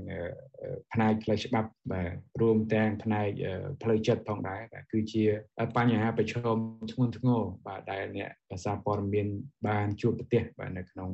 ឆ្នាំ2021នៅក្នុងការបំពេញកិច្ចការងាររបស់ពួកគាត់តើតើនឹងការរកឃើញនេះ វិទ្យុអស៊ីសេរីមិនអាចសុំប្រតិកម្មពីអ្នកនាំពាក្យក្រសួងព័ត៌មានលោកមាសសុភ័ណ្ឌបានទេ នៅថ្ងៃទី10មីនារីឯអ្នកនាំពាក្យរដ្ឋាភិបាលលោកផៃស៊ីផាននិយាយថារបាយការណ៍នេះមិនឆ្លុះបញ្ចាំងពីស្ថានភាពពិតនៃសេរីភាពសារព័ត៌មាននោះទេលោកបន្តទៀតថាវិធានការផ្លូវច្បាប់លើអ្នកសារព័ត៌មានគឺកើតឡើងដោយសាររឿងបកគលប៉ុន្តែនៅពេលមានចោទសួរតាក់ទងនឹងករណីអតីតអ្នកសារព័ត៌មានវិទ្យុអស៊ីសេរីនិងអ្នកកាសែត The Cambodia Daily ដែលត្រូវរងការចោទប្រកាន់តាមផ្លូវច្បាប់ដោយសារការបំពេញវិជ្ជាជីវៈរបស់ខ្លួននោះវិញអ្នកនាំពាក្យរដ្ឋាភិបាលរូបនេះសូមមិនបំភ្លឺទេដោយលើកឡើងថារឿងនេះមានភាពស្មុគស្មាញ សួរខ្ញុំអត់ខ្ញុំអត់មានចម្លើយទេតែសួរខាងតឡាការហើយសួរអ្នកនោះផ្ទាល់ខ្លួនទៀតតើអ្នកនោះបានធ្វើដោយអ្វីដែលគេចោទទេតើអ្នកនោះមានមេធាវីទេ ហើយមានការតតាំងនៅតឡាការដែរទេអានេះជាសំណួរជាច្រើនហើយមកសួរខ្ញុំអ្នកនាំពាក្យរាជរដ្ឋាភិបាលបើសំណួរខ្លះខ្ញុំអាចឆ្លើយបានដូចជាថាតែជាការគិតសង្កត់ទៅលើអ្នកសារព័ត៌មាន ដូចជាការលើកឡើងនឹងមិនសមស្របនឹងស្ថានភាពសពថ្ងៃនៅកម្ពុជាទេបាទមជ្ឈមណ្ឌលកម្ពុជាដើម្បីប្រព័ន្ធផ្សព្វផ្សាយឯករាជ្យនិងសម្ព័ន្ធអ្នកសារព័ត៌មានកម្ពុជាកម្ពុជាបានកត់ត្រាការធ្វើទុកបុកម្នេញលើអ្នកសារព័ត៌មានចំនួន51ករណីឬស្មើនឹងអ្នកសារព័ត៌មានរងគ្រោះចំនួន93នាក់5នាក់ជាស្ត្រី ក្នុងនោះអ្នកសារព័ត៌មានចំនួន32នាក់ត្រូវបានចាប់ខ្លួនហើយ24នាក់ប្រឈមបណ្ដឹងផ្លូវច្បាប់ និង18នាក់ទៀតអះអាងថាទទួលរងការគំរាមកំហែងនិងការធ្វើទុកបុកម្នេញអង្គការអន្តរជាតិនានារកឃើញថា4ឆ្នាំមកនេះសេរីភាពសារព័ត៌មាននៅកម្ពុជាស្ថិតនៅក្នុងស្ថានភាពអាក្រក់ព្រោះតែរដ្ឋាភិបាលលោកហ៊ុនសែនបន្តរឹតបន្តឹងគំរាមកំហែងចាប់ខ្លួនអ្នកសារព័ត៌មានដាក់ពន្ធនាគារពីបទប្រមទ័ននិងបង្កើតច្បាប់ថ្មី និងមានចរិតរដ្ឋបិទសេរីភាពសារព័ត៌មានជាដើម ខ្ញុំបាទលេងម៉ាលីវិទ្យុអស៊ីសេរីរាយការណ៍ពីរដ្ឋធានី Washington បាទលោកនៅនាងជាទីមត្រីសាលាធររាជធានីភ្នំពេញបដិសេធសំណើសុំនៅក្រៅខុំបណ្ដោះអាសន្នរបស់ថ្នាក់ដឹកនាំនិងសមាជិកសហជីពត្រួតត្រងសិទ្ធិការងារបុគ្គលិកកម្មករខ្មែរនៃក្រុមហ៊ុន Nagavel 8នាក់ក្រុមមេធាវីនិងសង្គមស៊ីវិលសោកស្ដាយនឹងការសម្រេចរបស់តុលាការជាន់ខ្ពស់មួយនេះដោយសារពួកគេចាត់ទុកថាក្រុមសហជីពបានប្រើប្រាស់សិទ្ធិត្រឹមត្រូវតាមច្បាប់ទាមទារដំណោះស្រាយការងារចៅក្រមនៃសភាស៊ើបសួរនៃសាលាធរលោកខុនលៀងមេង នៅថ្ងៃទី10ខែមីនាសម្រាប់បន្តឃុំខ្លួនប្រធានសហជីពនិងសមាជិកសហជីព Nagaver 8នាក់នៅពន្ធនាគារព្រៃសរដដែលក្រុមហេតុផលថារក្សាជនជាប់ចោតដើម្បីឲ្យសាលាដំបងរាជធានីភ្នំពេញបន្តស៊ើបអង្កេតសំណុំរឿងនេះឲ្យចប់សេចក្តីសម្រេចនេះធ្វើឡើងនៅចំពោះមុខអ្នកជាប់ឃុំទាំង8នាក់នៅក្នុងបន្ទប់សវនាការអសាធារណៈដោយមិនអនុញ្ញាតឲ្យសង្គមស៊ីវិលដែលតាមដានរឿងនេះចូលស្ដាប់បានទេបន្ទាប់ពីតុលាការប្រកាសសាលដីកាចប់ មន្ត្រីពន្ធនាគារបានដឹកអ្នកទាំង8ក្នុងសម្លៀកបំពាក់ពណ៌ស្លាទុំតាមរយន្តទៅពន្ធនាគារវិញដើម្បីបន្តឃុំខ្លួនបណ្ដោះអាសន្នរងចាំសវនាការក្រោមបទញុយញងឲ្យប្រព្រឹត្តបទអក្រិតជាអាតក្នុងនោះមានប្រធានសហជីពត្រួតត្រងសិទ្ធិការងារបុគ្គលិកកម្មករខ្មែរនៃក្រុមហ៊ុន Nagavel កញ្ញាឈឹមស៊ីធលេខាសហជីពអ្នកស្រីឈឹមសខនសមាជិកសហជីពមានអ្នកស្រីហៃសុភិបអ្នកស្រីឃ្លាំងសបិនអ្នកស្រីរីសវណ្ឌីអ្នកនាងសុនស្រីពេជ្រអ្នកនាងទូចស្រីមាស និងអតីតសមាជិកសហជីពលោកសុកនរិទ្ធមេធាវីការពីក្តីជន់ជាប់ចោតទាំង8នាក់លោកសំចម្រើនបានប្រាវិទ្យាអេស៊ីសេរីនៅថ្ងៃទី10ខែមីនាថាសាលាធរមិនខ្វល់ខ្វាយពីទោសល្បាតរបស់គុំក្តីលោកទេក្រៅពីប្រាហេតុផលស្តៀងគ្នានឹងសាលាដំបងរាជធានីភ្នំពេញដើម្បីបន្តឃុំខ្លួនពួកគេបន្ថែមទៀតលោកបញ្ជាក់ថាមេធាវីនឹងពិភាក្សាជាមួយគុំក្តីនឹងពិនិត្យមើលសារដីការបស់សាលាធរឡើងវិញរួចប្តឹងសារទោសទៅតុលាការកំពូលដើម្បីឲ្យពួកគេបាននៅក្រៅឃុំបណ្ដោះអាសន្ន ហេតុផលវាមិនមានហេតុផលឲ្យថ្លៃទេហេតុផលថ្លៃឬហេតុផលចាំបាច់ទេយើងមានដាក់បដងសិនហើយយើងពិនិត្យមើលមើលខ្លឹមសារនៃសាលកាមកថាមានចំណុចឆ្គាំជងតណាឬចំណុច fair play ខ្លះណាដើម្បីយើងទៅធ្វើការសន្និដ្ឋាននៅចំពោះមុខតុលាការកំពូលតទៀតតើតើនៅរឿងនេះនាយកទទួលបន្ទុកកិច្ចការទូតនៃអង្គការលីកាដូលោកអំសំអានសោកស្ដាយចំពោះការសម្ដែងរបស់តុលាការចុងខ្ពស់មួយនេះដែលមិនបានពិចារណាបានច្បាស់លាស់ក្នុងសំណុំរឿងនេះដែលផ្ដាំចេញពីវិវាទការងារនៅក្រុមហ៊ុន Nagavel ដែលគ្មានដំណោះស្រាយជាមួយឆ្នាំមកហើយ។ លោកយល់ថាអ្នកទាំងអស់នោះសមទទួលបានការអនុញ្ញាតឲ្យនៅក្រៅឃុំជួបជុំក្រុមគ្រួសារឡើងវិញដោយសារពួកគេគ្រាន់តែប្រើប្រាស់សិទ្ធិធ្វើកតកម្មជាជំរើសចុងក្រោយតាមផ្លូវច្បាប់ដើម្បីទាមទារដំណោះស្រាយពីតកាយក្រុមហ៊ុនមិនគួររងការចាប់ប្រកាន់ធ្ងន់ធ្ងរតាមផ្លូវតុលាការបែបនេះទេ ម្សិលមិញនេះមានការប្រជុំអន្តរក្រសួងដែលដឹកនាំដោយសម្ដេចក្លាហោបញ្ញារដ្ឋត្រីរដ្ឋត្រីសុងកាប់តីដើម្បីស្វែងរកដោះស្រាយវិវាទការងារ Nagawal ដោយសន្តិវិធីអញ្ចឹងចំណុចដែលចាប់ផ្ដើមដំបូងវាគួរតែមានការដោះលែងអ្នកទាំងអស់ហ្នឹងឲ្យមានសេរីភាពហើយបន្តក្នុងការចរចាដោយសន្តិវិធីដើម្បីបញ្ចប់នៅវិវាទការងារក្នុងហ្នឹងវាជារឿងដែលត្រូវធ្វើចាំបាច់នឹងបានហើយការមិនអនុញ្ញាតឲ្យនៅក្រៅឃុំនេះក៏វាមិនអាចនឹងស្វែងទៅរកការដោះស្រាយបញ្ចប់នៃវិវាទការងាររវាងក្រុមហ៊ុន Nagawal និងកោតក្រនឹងបានដែរបាទក្នុងពេលតឡាការបាត់សវនាការយ៉ាងហោចណាស់គឺមានក្រុមកម្មករ Nagawal ប្រមាណ50នាក់ឈលលើទឹកចិត្តដំណើររបស់ពួកគេនិងស្រែកទាមទារឲ្យតឡាការដោះលែងអ្នកជាប់ឃុំទាំងអស់ឲ្យមានសេរីភាពឡើងវិញកម្មករម្នាក់ក្នុងចំណោមនោះលោកស្រីសុករតនាថ្លែងថាពួកគាត់នឹងចេញធ្វើកតកម្មជាថ្មីទៀតរហូតដល់មានការដោះលែងតំណាងសហជីពនិងបុគ្គលិកសរុប11នាក់ហើយតកែក្រុមហ៊ុន Nagawal ត្រូវចេញមកដោះស្រាយបញ្ចប់វិវាទការងារមួយនេះឲ្យបានឆាប់វិវាទនេះជាវិវាទការងារកុំជាយាមបង្វែរពួកខ្ញុំឲ្យទៅឆ្លោះជាមួយក្រុមអាជ្ញាធរទៅឆ្លោះជាមួយក្រសួងផ្សេងផ្សេងវាអត់ល្អទេកុំជាយាមទាញក្រសួងផ្សេងផ្សេងមកពាក់ព័ន្ធវិវាទនេះគឺមានតែ2បុក2ទេបងបីទាំងក្រសួងការងារចាទី1គឺខ្ញុំគឺតំណាងរបស់ពួកខ្ញុំដែលតំណាងពួកខ្ញុំជាក្រុមកោតក្រទី2តកែក្រុមហ៊ុន Nagavel ទី3គឺក្រសួងការងារដែលឈរនៅចំចំណុចកណ្ដាលដែលជួយដោះស្រាយវិវាទនេះបានចាកាលពីខែមករា ចៅក្រមស៊ើបសួរនៃសាលាដំបងរាជធានីភ្នំពេញលោកអឹមវណ្ណៈបានសម្រេចឃុំខ្លួនថ្នាក់នរណមនិងសមាជិកសហជីព Nagavel 8នាក់ដាក់ពន្ធនាគារព្រៃសរក្រោមបទចោទញុយញងបង្កមានភាពវឹកវរធ្ងន់ធ្ងរដល់សន្តិសុខសង្គមក្រោយពីកម្មករ Nagavel ជាង1000នាក់ចេញធ្វើកតកម្មនៅក្រុមហ៊ុនបលបៃ Nagavel ទាមទារឲ្យតកែទទួលយកបុគ្គលិកជាង300នាក់ចូលធ្វើការងារវិញហើយទទួលស្គាល់វត្តមានសហជីពនៅកន្លែងធ្វើការគិតត្រឹមថ្ងៃទី10ខែមីនាថ្នាក់ដឹកនាំនិងសមាជិកសហជីពនៃកម្មករ Nagavel 8នាក់ កំពុងចាប់ឃុំក្នុងពន្ធនាគារព្រៃសរអស់រយៈពេល70ថ្ងៃមកហើយក្រុមអង្គការសង្គមស៊ីវិលចាត់ទុកការសម្ដែងរបស់សាលាធននេះហាក់ផ្ទុយពីស្មារតីនៃកិច្ចប្រជុំផ្ទៃក្នុងរបស់អន្តរក្រសួងនៃអាជ្ញាធរពាក់ព័ន្ធដែលធ្វើឡើងដោយរដ្ឋមន្ត្រីក្រសួងមហាផ្ទៃលោកសុកខេងនៅសាលារាជធានីភ្នំពេញកាលពីថ្ងៃទី9ខែមីនានៅក្នុងការស្វែងរកដំណោះស្រាយការងារនៅក្រុមហ៊ុន Nagavel គិតមកទល់ពេលនេះលទ្ធផលនៃកិច្ចប្រជុំនេះមិនទាន់មានប្រភពណាមួយទម្លាយឲ្យសាធារណជនបានដឹងនៅឡើយទេ អង្គការសង្គមស៊ីវិលស្នើសុំស្ថាប័នតុលាការនៅក្រសួងពាក់ព័ន្ធទាំងអស់ពន្យល់ដំណោះស្រាយរឿងនេះដោយទម្លាក់ចោលការចាប់ប្រកាន់ហើយដោះលែងតំណាងសហជីពសមាជិកសហជីពនិងកម្មករ Nagavel 11នាក់ឲ្យមានសេរីភាពឡើងវិញដើម្បីចូលតុចរចាជាមួយក្រុមហ៊ុន Nagavel បញ្ចប់វិវាទការងារមួយនេះដោយសន្តិវិធីទើបជាដំណោះស្រាយល្អប្រសើរបាទតើតើទៅនឹងរឿងបុគ្គលិកក្រុមហ៊ុនបលបៃ Nagavel នេះដែរបុគ្គលិកកម្មករនៅក្រុមហ៊ុនបលបៃ Nagavel ទទួលជាថ្មីទៀតឲ្យក្រសួងការងារនិងបណ្ដុំបណ្ដាវិជ្ជាជីវៈផ្ដល់ដំណោះស្រាយតាមការទៀមទារបស់ពួកគេគឺឲ្យភាគីក្រុមហ៊ុនទទួលយកបុគ្គលិកនិងសហជីពចូលធ្វើការងារវិញការលើកឡើងរបស់កម្មករបែបនេះធ្វើឡើងក្រោយពេលដែលក្រសួងការងារបានចេញសេចក្តីជូនដំណឹងមួយកាលពីថ្ងៃទី10ខែមីនាណែនាំជាថ្មីទៀតឲ្យក្រុមបុគ្គលិកដែលត្រូវភាគីក្រុមហ៊ុនបញ្ឈប់ពីការងារនិងមិនទាន់ទទួលបានសំណងឲ្យទៅយកសំណងដើម្បីបញ្ចប់វិវាទការងារមួយនេះនិងបញ្ចប់ការតវ៉ាសេចក្តីជូនដំណឹងនេះ គឺនឹងមួយថ្ងៃបន្ទាប់ពីមានកិច្ចប្រជុំកម្រិតរដ្ឋមន្ត្រីបិទទ្វារនៅសាលារាជធានីភ្នំពេញស្ដីពីការដោះស្រាយវិវាទការងារក្រុមហ៊ុន Nagavel ដឹកនាំដោយលោកសខេងរដ្ឋមន្ត្រីក្រសួងមហាផ្ទៃបាទពីរដ្ឋធានីវ៉ាស៊ីនតោនអ្នកស្រីសុជីវីរាយការណ៍ព័ត៌មាននេះកម្មករនៅ Nagavel ចាត់ទុកសេចក្តីជូនដំណឹងរបស់ក្រសួងការងារថានៅតែបង្ហាញពីចេតនារបស់ក្រសួងដែលមិនចង់ផ្ដល់ដំណោះស្រាយទៅតាមការទាមទាររបស់កម្មករនិងនៅតែការពៀផលប្រយោជន៍របស់ភាគីក្រុមហ៊ុន កម្មករម្នាក់អ្នកនាងវ៉ាន់រីណាប្រាប់វិទ្យុអាស៊ីសេរីកាលពីយប់ថ្ងៃទី10ខែមិនិនាថាប្រសិនបើក្រសួងចង់បញ្ចប់វិវាទនេះមែនក្រសួង គួរតែសម្របសម្រួលឲ្យភាគីក្រុមហ៊ុនទទួលយកសហជីពនិងកម្មករជាង300នាក់ដែលត្រូវបញ្ឈប់ពីការងារនោះឲ្យចូលធ្វើការវិញដោះលែងក្រុមមេដឹកនាំសហជីព8នាក់និងកម្មករ3នាក់ដែលកំពុងជាប់ឃុំរីណាបន្តថាក្រសួងត្រូវតែធ្វើអធិការកិច្ចតាមស្ថានភាពជាក់ស្ដែង ដើម្បីរកឲ្យឃើញថាក្រុមហ៊ុនបញ្ឈប់កម្មករពីការងារមិនមែនដោយសារបាត់បង់ប្រាក់ចំណូលទេ តែដោយសារក្រុមហ៊ុនរើសអើងសហជីពទើបយកលេសវិបត្តិជំងឺ Covid-19 បញ្ឈប់សហជីពពីការងារម្យ៉ាងទៀតមកដល់ពេលនេះ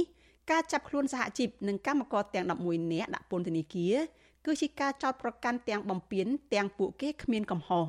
យើងមើលឃើញច្បាស់គឺក្រសួងកំពុងតែចូលដៃជាមួយនឹងក្រុមហ៊ុន Naga ដើម្បីរំលាយសម្លេងសហជីព បង្វែរស្ថានភាពពីមួយស្ថានភាពទៅមួយស្ថានភាពក្នុងនាមជាក្រសួងដែលសម្របសម្រួលទទួលបន្ទុកខាងផ្នែកការងារ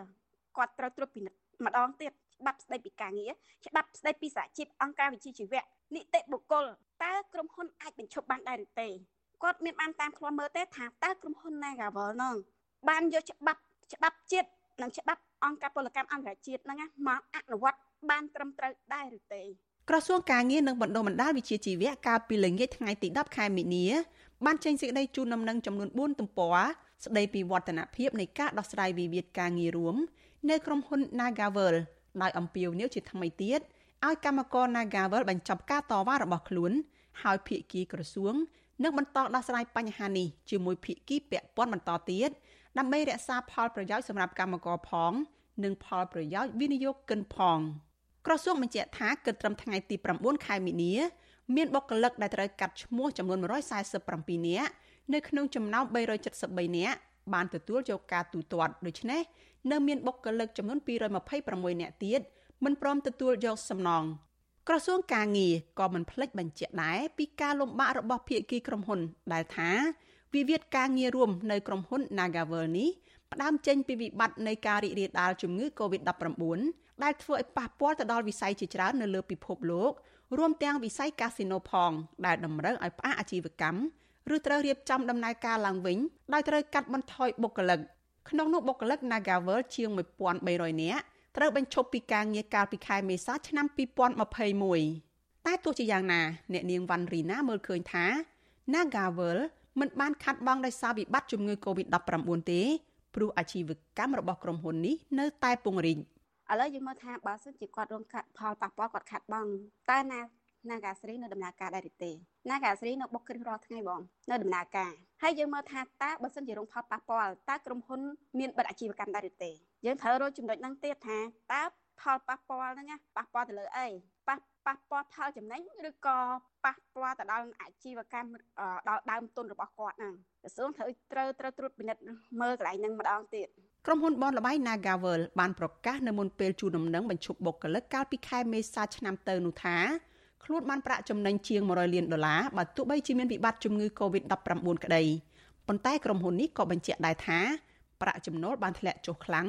នៅក្នុងឆ្នាំ2020បើប្រៀបធៀបទៅនឹងឆ្នាំ2019ដែលគ្មានជំងឺ Covid-19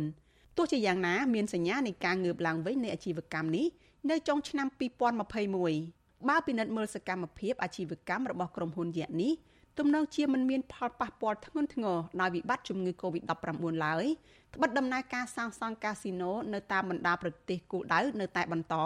ដូចជានៅកម្ពុជា បន្តសាងសង់អគារ Naga World 3និងសំណង់នៅក្នុងប្រទេសរុស្ស៊ីជាដើមដែលទើបនឹងប្រកាសផ្អាកនៅក្នុងពេលផ្ទុះសង្គ្រាមបង្កដោយរុស្ស៊ីនៅប្រទេសអ៊ុយក្រែនកាលពីពេលថ្មីៗនេះ តកតងនឹងសេចក្តីជូនដំណឹងរបស់ក្រសួងការងារវិញសេចក្តីជូនដំណឹងនេះគឺចេញនៅមួយថ្ងៃបន្ទាប់ពីលោកសខេងរដ្ឋមន្ត្រីក្រសួងមហាផ្ទៃបានដឹកនាំកិច្ចប្រជុំស្តីពីការដោះស្រាយវិវាទការងារក្រុមហ៊ុន Nagavel នៅសាលារាជធានីភ្នំពេញដែលមានការចូលរួមពីរដ្ឋមន្ត្រីនៃក្រសួងមួយចំនួនដូចជាក្រសួងការងារក្រសួងយុតិធធក្រសួងសុខាភិបាល និងអាជ្ញាធរពាក់ព័ន្ធក្នុងរាជធានីភ្នំពេញកិច្ចប្រជុំបិទទ្វារកាលពីល្ងាចថ្ងៃទី9ខែមិនិនានោះ មិនបានប្រកាសលទ្ធផលយ៉ាងណា ទៅឲ្យសាធារណជន និងភាគីកម្មករនៅ Nagavel បានដឹងឡើយសារព័ត៌មានក្នុងស្រុកបានស្រង់សម្ដីប្រភពដែលបានទៅចូលរួមកិច្ចប្រជុំនោះយកមកចុះផ្សាយថាលោកសខេងបានស្ដាប់របាយការណ៍និងបានពិភាក្សាគ្នា ដើម្បីបន្តនីតិវិធីដោះស្រាយដោយសន្តិវិធីនិងស្របតាមច្បាប់ក្រុមអង្គការសង្គមស៊ីវិលដែលបានរួមគ្នាដាក់ញត្តិសូមអន្តរាគមន៍ពីស្ថាប័នក្រសួងពាក់ព័ន្ធទាំងនេះមួយចំនួន នៅតែមានសង្ឃឹមថា ក្រសួងពាក់ព័ន្ធនឹងផ្ដល់ដំណោះស្រាយតាមការទៀមទារបស់ក្រមកោតកោនាងខ្ញុំសុជីវីវិទ្យុអាស៊ីសេរីពីរដ្ឋធានី Washington បាទតើតើទៅនឹងការឆ្លងរាលដាល COVID-19 វិញអ្នកស្លាប់ដោយសារ COVID-19 បានកើនឡើងដល់3044នាក់ក្រោយពីអ្នកជំងឺម្នាក់ទៀតបានស្លាប់ចំណែកករណីឆ្លងថ្មីវិញក្រសួងសុខាភិបាលប្រកាសថាមានចំនួនជាង200នាក់ដែលសុទ្ធតែជាមេរោគបំផ្លាញខ្លួនថ្មីអូមីក្រុងក្នុងនោះ24នាក់ជាករណីនាំចូល និង214នាក់ទៀតជាករណីឆ្លងក្នុងសហគមន៍គិតត្រឹមថ្ងៃទី10ខែមីនានេះកម្ពុជាមានអ្នកកើត COVID-19 មានជាង130,000នាក់ក្នុងនោះអ្នកជាសះស្បើយមានជាង120,000នាក់ក្រសួងសុខាភិបាលប្រកាសថាគិតត្រឹមថ្ងៃទី9មីនារដ្ឋាភិបាលបានចាក់វ៉ាក់សាំងគ្រប់ដូសជូនដល់ពលរដ្ឋបានជាង13លាន8សែននាក់នៅក្នុងចំណោមពលរដ្ឋដែលត្រូវចាក់ប្រមាណ14លាននាក់រាប់ចាប់តាំងពីកុមារអាយុពី5ឆ្នាំដល់មនុស្សពេញវ័យរីឯដូសជំរុញទី3និងទី4វិញ រដ្ឋាភិបាលបានចាក់ជូនពលរដ្ឋបានជាង8លានដូសស្របពេលដែលកុមារអាយុពី3ឆ្នាំដល់ក្រោម5ឆ្នាំរដ្ឋាភិបាលបានចាក់ដូសទី1បានជាង2សែននាក់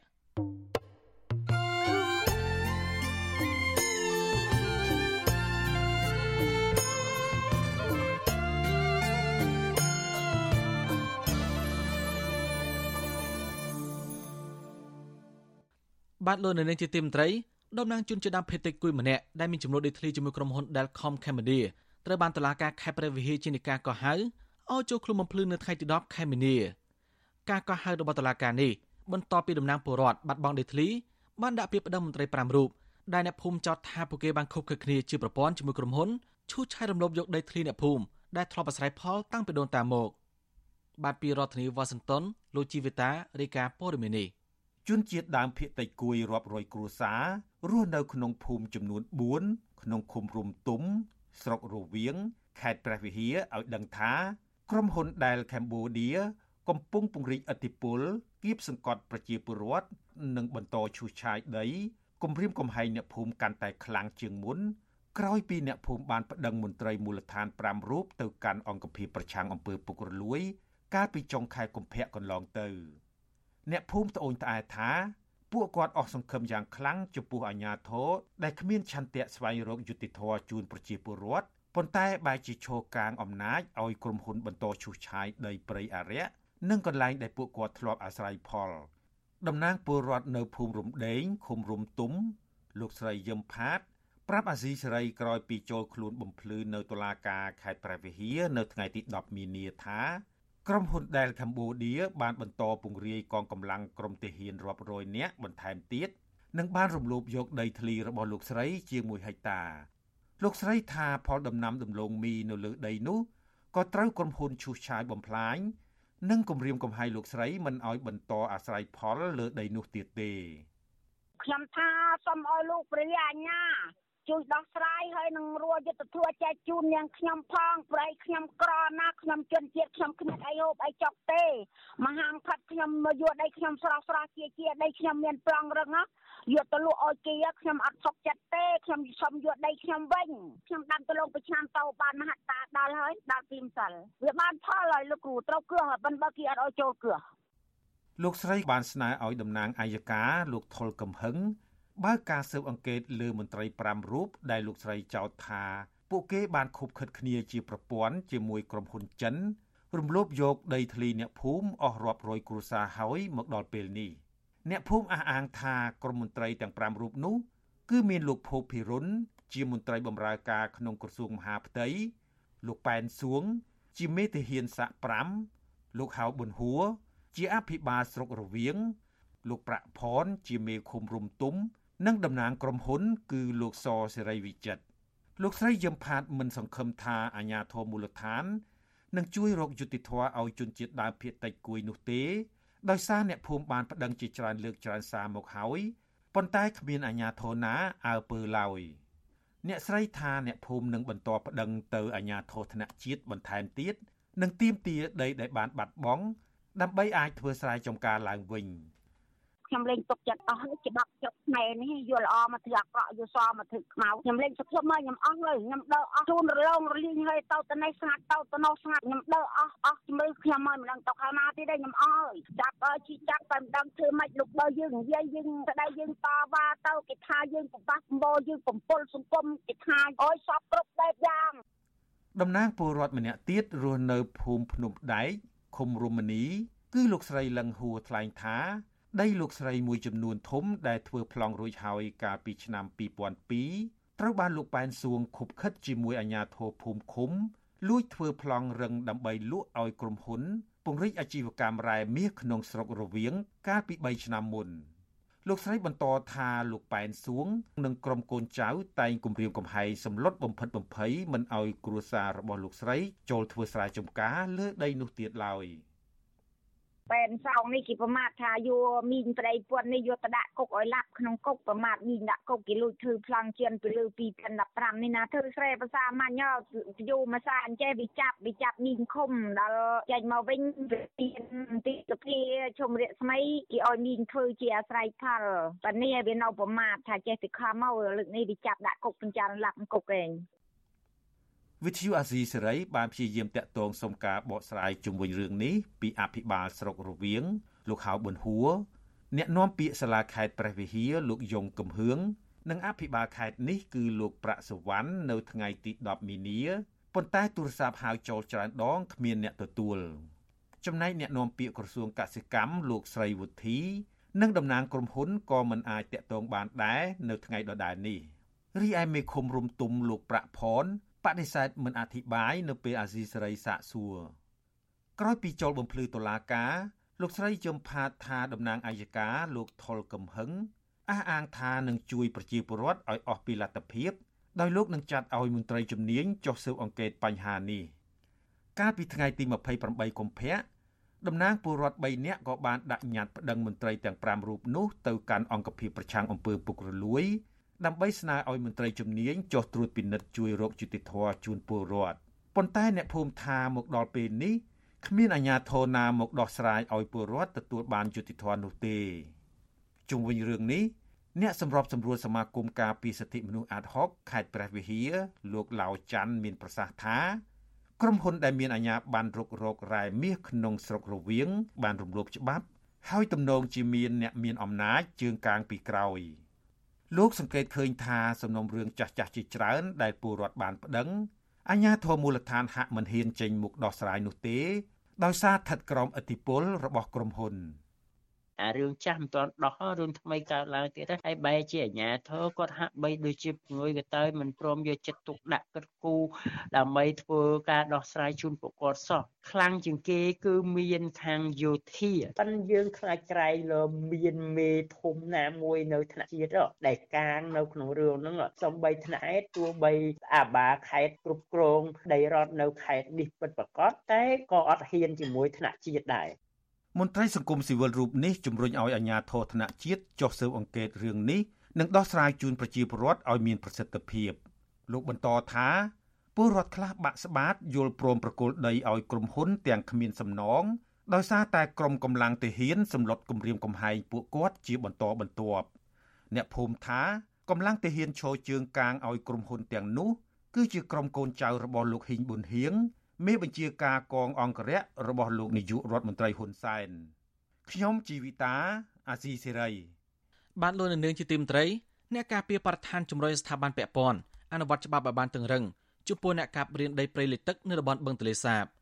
ប្រធានផ្នែកកម្មវិធីស្រាវជ្រាវនឹងតស៊ូមតិនៃសមាគមបណ្ដាញយុវជនកម្ពុជាលោកហេងកំហុងបានឲ្យវិទ្យុអេស៊ីសេរីដឹងកាលពីយប់ថ្ងៃទី10ខែមីនា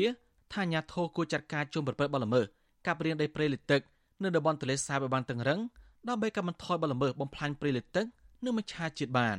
លោកបានថែមថាដីព្រៃលិចទឹកគឺជាទ្រព្យសម្បត្តិសាធារណៈរបស់រដ្ឋមិនអាចអ្នកណារំលោភបានការលើកឡើងនេះធ្វើឡើងស្របពេលដែលលោកជាសភារារដ្ឋមន្ត្រីក្រសួងដែនដីនិងគោរូបនីយកម្មមិនសំណងបានបង្ហាញរបាយការណ៍ស្ដីពីការបង្ក្រាបជលល្មើសកាប់រៀនដីព្រៃលិចទឹកតំបន់បឹងទន្លេសាបសេចក្តីប្រកាសព័ត៌មានរបស់ក្រសួងដែនដីចេញផ្សាយនៅថ្ងៃទី10ខែមីនាបង្ហាញថាអាញាធរបង្ក្រាបនឹងខកខ្លួនមនុស្ស បាន34នាក់នៅក្នុងខេត្តមួយចំនួនជាប់បឹងទន្លេសាបដែលជាប់ពាក់ព័ន្ធទៅនឹងការកាប់ទន្ទ្រានដីព្រៃលិចទឹកក្នុងតំបន់ទន្លេសាបជិត9ម៉ឺនតា រួមមានខេត្តកំពង់ឆ្នាំងពោធិ៍សាត់បាត់ដំបងបន្ទាយមានជ័យសៀមរាបនិងខេត្តកំពង់ធំសេចក្តីប្រកាសព័ត៌មានដដែលឲ្យដឹងថាក្នុងចំណោមអ្នក34នាក់នោះគឺស្មារតីបានដោះលែងវិញ5នាក់តែមិនបានបញ្ជាក់ពីមូលហេតុនៃការដោះលែងនោះទេរីឯមនុស្សនៅសល់29នាក់ស្មារតីបានបញ្ជូនទៅតុលាការវិទ្យុអេស៊ីសេរី មិនទាន់អាចតតទៅអ្នកនាំពាក្យក្រសួងដែនដីនគររូបនីយកម្មមិនសំណងដើម្បីសាកសួរបន្ថែមអំពីបញ្ហានេះបានទេកាលពីយប់ថ្ងៃទី10ខែមីនាកន្លងមកក្រមបុរដ្ឋបានលើកឡើងថាសកម្មភាពកាប់រៀនដីព្រៃលិទឹកមកធ្វើជាសម្បត្តិឯកជននេះមិនមែនមានតែបុរដ្ឋប៉ុណ្ណោះទេថែមទាំងមានមន្ត្រីក្នុងមូលដ្ឋានថែមទៀតផងដូចជាករណីអភិបាលស្រុកពនេព្រះលោកខួពៅនិងមេឃុំប្រាសាទលោកមាសហឹកព្រមទាំងអ្នកពាក់ព័ន្ធមួយចំនួននៅក្នុងខេត្តព្រះវិហារជាដើមមកទល់ពេលនេះ តុលាការមិនទាន់ចាត់ការតាមផ្លូវច្បាប់ចំពោះពួកគាត់នៅឡើយទេលោកហេងកំហុំបញ្ជាក់ថាបើសិនតុលាការមិនចាត់វិធានការតាមផ្លូវច្បាប់ឲ្យបានមើងម៉ាត់ទេបទល្មើសកាប់រៀនដីព្រៃលិទឹកនឹងនៅតែកើតមានដដែល